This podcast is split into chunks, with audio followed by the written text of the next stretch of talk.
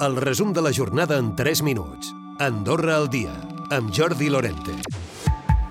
L'Estat tancarà aquest any amb superàvit. Inicialment es preveia un dèficit de 22 milions, que posteriorment es va corregir a 30 a causa del crèdit extraordinari que es va aprovar per afrontar les conseqüències econòmiques de la pandèmia de la Covid-19. Doncs bé, segons el ministre de Finances, Eric Jove, l'evolució positiva de l'economia permetrà tancar aquest 2022 en positiu.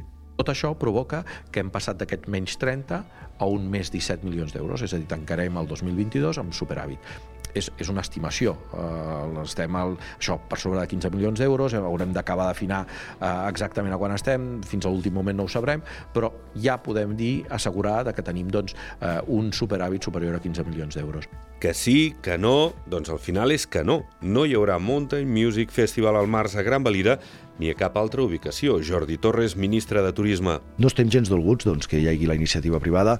Ara bé, sí que ens agradaria poder estar molt més, molt més coordinats amb aquests elements. És a dir, si hi ha iniciatives privades, nosaltres doncs, agrairia doncs, que se'ns comuniqués, perquè ens facilitaria molt la vida, perquè al final nosaltres aquí ja fa mesos que hi treballem i al final veus com se desparrama una miqueta el projecte i dius, ostres, ho hem de tornar a reordenar tot. Diuen des del ministre de Turisme que coincidia al març en dates amb l'Hivernation i l'Elro, el Festival de Música Electrònica, que està preparant Gran Valira per al mes de març.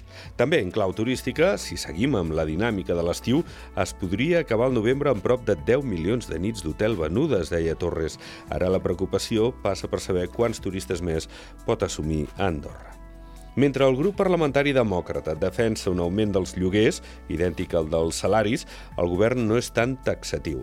Assegura que es decidirà en funció de com acabi l'IPC aquest any, però que els arrendaments en cap cas pujaran més que els sous. I avui dia un 44% té el català com a llengua materna, seguida del castellà, i aquells que s'identifiquen amb la llengua oficial el superen en un 15%. El català s'utilitza molt més a casa i es combina menys amb altres llengües. En parlava el coordinador d'Andorra Recerca més Innovació, Joan Micó. Aquesta immigració, que la major part doncs, venen de, de, de llocs on no es parla català, en aquest cas, darrerament, en els últims anys, per exemple, llatinoamericans i tal, però tot i aquest augment, doncs, el, el català doncs, doncs no, no, no té el, el, bueno, no ha passat el que a millor hauria passat als anys 90 o, o abans. Han començat les tasques de neteja després de l'incendi al Centre Cultural i de Congressos Laura Dia amb la retirada de la runa. Mentrestant, els pèrits valoren els danys. Els universitaris han tornat a les aules, tot i que sense calefacció i alguna activitat cultural ja ha estat reubicada. I FEDA constata que des de fa dies Espanya no anuncia nous talls de subministrament elèctric fruit d'una certa estabilitat que d'altra banda també es troba a França.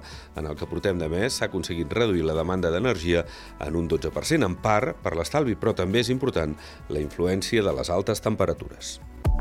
Recupera el resum de la jornada cada dia a Andorra Difusió.